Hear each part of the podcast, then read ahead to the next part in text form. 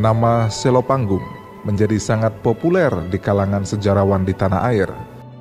Padahal Selopanggung hanyalah sebuah desa kecil yang berada di lereng Gunung Wilis yang bertanah kering dan tandus serta berada sekitar 20 km arah barat ibu kota Kabupaten Kediri, Pare. Kepopuleran desa Selopanggung berawal setelah sejarawan Belanda Hari Kapuse meluncurkan buku dengan judul Tan Malaka, Dihujat dan Dilupakan, Gerakan Kiri dan Revolusi Indonesia 1945 sampai dengan 1949.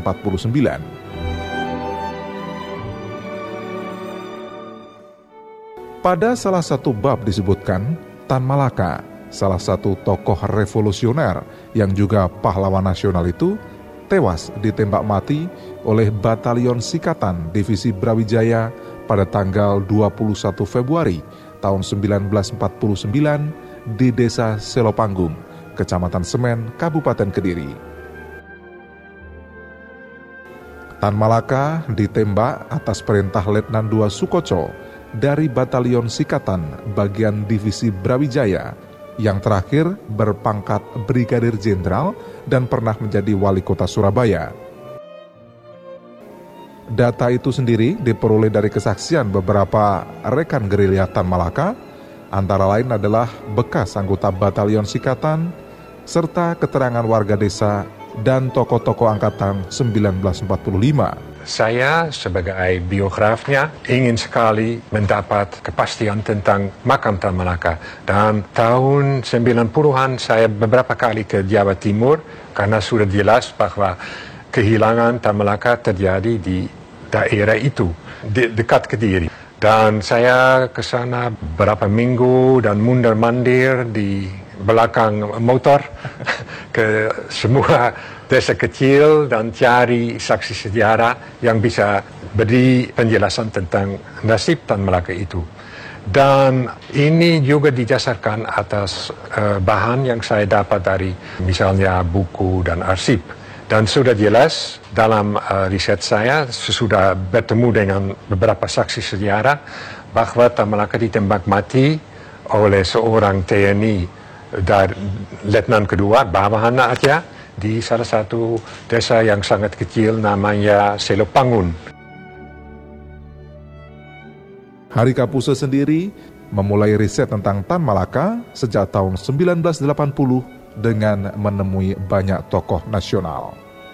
Tapi, tulisan tersebut diragukan kebenarannya oleh para pemerhati sejarah di Kediri.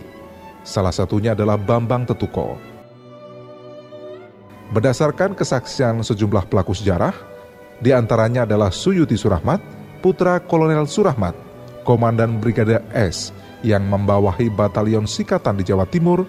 Dia pernah mengatakan bahwa Tan Malaka saat ditangkap di daerah Gringging, Kabupaten Kediri, lalu ditahan di Desa Pace. Kemudian dibawa ke daerah selatan, yakni di Kecamatan Mojo. Tan Malaka sendiri berhasil ditangkap di wilayah Gringging sana, kemudian dibawa ke jurusan selatan, daerah Mojo oleh Kompi Sukaji Indrotomo. Kemudian waktu itu eh, Kolonel Surahmat menanyakan kepada Letu Sukaji Indrotomo, di mana Tan Malaka? Begitu. Kemudian oleh Sukaji Indrotomo dijawab sudah ditembak mati dan sudah ditanam. Apa melalui proses jawabannya? Ya proses singkat pengadilan perang di lapangan. Jadi pengadilan militer lapangan dalam revolusi itu seperti itu yang terjadi. Sehingga kalau sekarang ini ada statement bahwa kemungkinan Tan Malaka itu ditanam di daerah Selopanggung, saya termasuk salah satu di antara personel yang pesimis untuk uh, pendapat itu. Karena apa? Jarak antara Mojo ke Selopanggung itu cukup jauh dan situasi revolusi. Siapa yang akan berani untuk menanam dan me, ya istilahnya uh, kalau istilahnya merawat jenazah seorang yang dianggap sebagai uh, musuh negara. Saya meyakini apa yang diucapkan oleh uh, Sukarji Indrotomo bahwa begitu diselesaikan dalam pengadilan singkat di lapangan dan dia ditanam begitu saja. Dan ini biasanya sesuatu yang tidak mungkin diekspos secara terbuka untuk kepentingan publik. Masalahnya situasionalnya kondisi budaya masyarakat dan sebagainya karena dikhawatirkan uh, nanti kemudian akan memicu motivasi uh, pengkultusan dan sebagainya para pengikut-pengikutnya dari laporan Sukaji Indrotomo kepada komandannya yang menugasi dengan jawaban seperti itu saya meyakini ini sesuatu yang tidak mungkin dia akan pada waktu itu untuk menyembunyikan atau ya mengelabui bahkan kalau boleh dalam tanda petik ngapusi seorang komandan eh, seperti itu. Keterangan hampir sama juga disampaikan oleh Sarto Waluyo, Sekretaris Desa Selopanggung, yang juga tokoh masyarakat desa setempat. Informasi itu pertama saya terima justru dari Pak Camat. Begitu Pak Camat pada saya ada informasi itu, saya langsung respon ke orang-orang tua yang usianya itu eh, seangkatan bapak saya, tapi beliau-beliau ternyata juga berani mengatakan tidak ada. Nah, ini saya ngerepot kalau toh ada istilahnya ya tetenger atau nisan di mana kan ya mereka juga mengatakan nggak ada. Justru bahkan ada yang mengatakan ya namanya orang desa apa pendidikannya juga minim sekali ada yang wah informasi ngawak itu tidak betul itu gitu. Saya juga nggak nggak berani ngotot soalnya pertama kita nggak punya data nggak punya bukti sehingga ya saya sebatas cuma tanya begitu saja. Petilasan saya nggak ada mas. Yang ada cuma makam umum saja. Dan nggak ada tanda-tanda kalau di situ ada istilahnya ya makam istimewa kok nggak ada. Soalnya kok apa mungkin seorang Tan Malaka di sini gitu. Tapi ya saya nggak menemukan Keterangan berbeda disampaikan oleh Nurdi, cucu Dirjo Utomo, salah satu anggota Batalion Sikatan. Nurdi mengatakan, berdasarkan cerita yang sering disampaikan oleh kakeknya yang sudah meninggal tahun 2000 lalu, memang benar Tan Malaka ditangkap di daerah Gringging yang merupakan basis PKI pada tahun 40-an. Tapi sebelum lenyap di bawah anggota pasukan yang lain, Tan Malaka sempat dibawa ke desa Selopanggung, tepatnya di rumah Yasir yang berada tepat di samping rumah Dirjo. Tapi setelah itu, Tan Malaka bersama rombongan anggota Batalion Sikatan menghilang dan Tan Malaka tidak pernah diketahui jejaknya. Ceritanya itu pun mas niku mas. Gini loh mas cerita sebenarnya itu kan saya itu sebagai cucunya Mbah Dirjo ya. Mbah saya itu dulu sering sekali bercerita Mbah Dirjo dulu itu adalah pejuang anggota Brigade S yang dikomandani oleh Kolonel Surahman dari Kediri yang sangat legendaris itu. Ya, ya. Dan Mbah Dirjo sendiri pada saya ya Mas ya, hmm. sering berkali-kali cerita menceritakan bahwa rumah Mbah Yasir temannya itu hmm. yang ada di samping rumah itu hmm. dulu ditempati oleh pasukan TRI yang melarikan diri dari kejaran tentara Belanda. Ya, terus Nah, karena memang anggota dan sering ketemu, jadi ya Mbah saya itu tahu persis nama-nama semua anggota TRI dan beberapa komandannya. Siapa saja mas itu? E, menurut Mbah Dirjo, mereka adalah orang-orang yang selalu memakai pakaian bagus, ya. gagah gitu, uh -huh. membawa senjata itu seperti bedil, pistol, bahkan ada yang membawa pedang yang panjang mirip samurai itu dan sebagian lagi ada yang membawa buku serta mesin ketik gitu loh hmm. mereka itu adalah Letkol Surahmat hmm. Letnan Dua Sakur ya. Joyo Dayat Sukoco dan Sungkono ya. Nah, Mbah Dirjo ya hanya bercerita, memang betul dulu itu di sini Tan Malaka yang sempat ditahan, ditahan di Desa Pace Nganjuk ini, Mas. Ini dibawa ke Kediri. Ya di sini ini, hmm. di Kediri di Selo Panggung ini. Tapi Mbah Mbah Dirjo tidak tahu apakah Tan Malaka itu dieksekusi atau tidak, ya. dibunuh atau tidak itu nggak tahu dia. Hmm. Karena orang itu selalu dikawal khusus, bahkan oleh pasukan yang banyak gitu mas. Ya. ya. Lah ternyata pada suatu hari orang itu tiba-tiba nggak ada, nggak tahu ke mana dia. Karena dibawa rombongan gitu katanya. Hmm. Terus itu mbah kata mbah saya lagi dibawa ke pinggir sungai Berantas. Terus setelah itu nggak ada kabarnya. Mbah saya dan teman-teman juga nggak ada yang berani tanya itu tapi tempatnya ya itu jelas mas tempatnya tempat hilangnya Tan Malaka itu di bawah pohon peti itu loh oh, makanya dulu itu kan ada orang Belanda ke sini namanya Hari Apuse kira-kira berapa tahun yang lalu mas? itu datang ke sini sekitar 10 tahun yang lalu ya. nah itu sama mbah saya itu mbah Dirjo itu ah. pohon petinya itu dikasih tulisan nah, di sini ini tulisannya Di sini Tan Malaka hilang tahun 1949.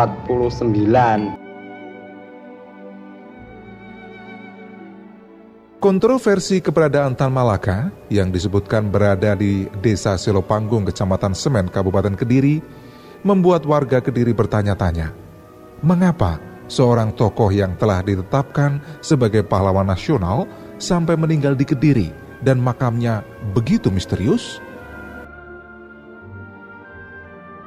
Dalam buku yang berjudul Tan Malaka, Dihujat dan Dilupakan, Gerakan Kiri dan Revolusi Indonesia – 1945-1949 yang ditulis Hari Kapuse disebutkan Tan Malaka nama lengkapnya adalah Ibrahim Datuk Tan Malaka. Ia keturunan Minangkabau dan dilahirkan pada tanggal 2 Juni 1897 di Desa Pandan Gadang, Sumatera Barat. Ia mulai terjun ke panggung politik tahun 1921 dan disejajarkan dengan tokoh-tokoh nasional lainnya seperti Soekarno, Hatta, Sahrir, Muhammad Yamin, dan lain-lain. Ia adalah seorang pejuang yang militan, radikal, dan revolusioner, serta banyak melahirkan pemikiran-pemikiran yang orisinil, berbobot, dan brilian, hingga berperan besar dalam sejarah perjuangan kemerdekaan Indonesia.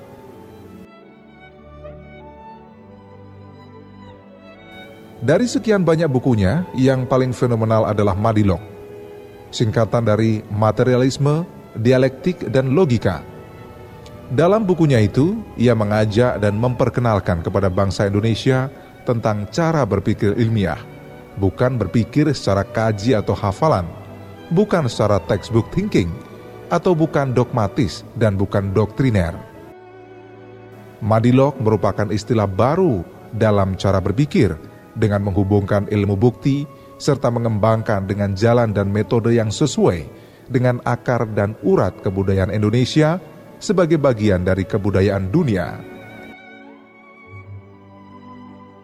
Hari Kapuse, yang juga Direktur Institut Kerajaan Belanda untuk Studi Karibia dan Asia Tenggara itu menambahkan, Tan Malaka ditembak mati di desa Selopanggung di kaki Gunung Wilis, Kediri, Jawa Timur. Eksekusi yang terjadi selepas agresi militer Belanda kedua itu didasari surat perintah Panglima Darah Militer Brawijaya Sungkono dan Komandan Brigadenya Surahmat. Petinggi militer di Jawa Timur menilai seruan Tan Malaka tentang penahanan Bung Karno dan Bung Hatta di Bangka yang telah menciptakan kekosongan kepemimpinan sehingga ia mengangkat dirinya sebagai Presiden Republik Indonesia yang baru dengan Panglima Perangnya Sabarudin serta enggaknya elit militer bergerilya melawan Belanda dianggap membahayakan stabilitas. Tentara Keamanan Rakyat TKR akhirnya memerintahkan penangkapan Tan Malaka. Setelah tertangkap di Gringging, ia kemudian ditahan di Pace, Nganjuk. Penangkapan tersebut dilakukan oleh Letnan II Sukoco yang berakhir dengan eksekusi. Cerita tentang Tan Malaka dan makamnya yang misterius tersebut membuat sejumlah guru sejarah, dosen, dan beberapa anggota masyarakat pemerhati sejarah gini mulai melakukan penelitian mendalam. Soleh Muadi, salah satu dosen di Universitas Darul Ulum Jombang mengatakan, upaya pengungkapan tentang kebenaran cerita seputar Tan Malaka sangat penting. Jika makamnya masih misterius, Tan Malaka tetap berhak untuk dikembalikan posisinya dalam sejarah perjuangan di tanah air setelah sekian lama dilupakan. Iya, yang pertama adalah meneliti sejarah dulu. Sejarah apakah benar memang itu adalah apa namanya uh, makam dari Tan Malaka? Karena sejarah itu sangat penting. Kalau di dalam bahasa agama kita adalah apakah memang benar ada asbabun nuzulnya bahwa makam-makam itu dari mana kan begitu. Kalau memang itu sudah benar, langkah yang berikutnya adalah bagaimana makam itu dibenahi dengan baik. Dari level mulai level kelurahan, level camat, level bupati dan nanti pada level nasional ditata dengan baik makam itu. Paling tidak ada banyak hal yang kita gali dan kemudian di situ bisa uh, disampaikan tentang sejarah masa lalu berkaitan dengan Tan Malaka itu tadi karena banyak yang belum mengenal mengenai masalah itu walaupun dia seorang tokoh nasional dalam perjuangannya. Hal yang sama juga disampaikan Endang Praswati. seorang guru sejarah SMP di Mojo, Kabupaten Kediri. Ia mengatakan bersama beberapa temannya guru sejarah dan warga setempat, ia akan melakukan penelusuran tentang sejarah Tan Malaka di Kediri sekarang ini ya merasa kecewa ya karena apa pemimpin pahlawan seperti itu kok tidak uh, ada penghargaan sama sekali terutama pada daerah-daerah yang tidak mengenal. Kediri kan tidak mengenal sama sekali kalau seperti itu karena tidak memberi penghargaan pada pahlawan atau perjuangan bangsa Indonesia itu nah uh, kami dari pendidik ini kami akan mencoba untuk mengenang kembali tidak hanya mengenang dalam hal jasanya saja kami juga akan mencari di manakah dimakamkan, lalu apa peninggalan itu berupa apa, kita cari di situ. Sampai di sini, cerita tentang Tan Malaka dan keberadaan makamnya tetap menjadi teka-teki. Padahal jika dihubungkan dengan sejarah revolusi, Tan Malaka adalah sosok yang disegani. Soekarno menganggapnya sebagai guru revolusi. Hatta menyebutnya sebagai sosok yang tidak mudah membungkukkan tulang punggungnya. Sebagian bangsa Indonesia bahkan menyebutnya sebagai filosof Indonesia yang paling awal. Tapi mengapa ia tewas dibunuh oleh bangsanya sendiri? Lalu siapa yang berada di balik pembunuhannya? Sejarah Tan Malaka memang sebuah kisah sejarah yang ironis. Sejarah yang terjadi pada sebuah kurun waktu di mana sesama kelompok revolusioner di negeri ini, di Indonesia, di tanah air kita, terlibat konflik politik dan perebutan kekuasaan yang kadang berakhir dengan kematian dan pembunuhan.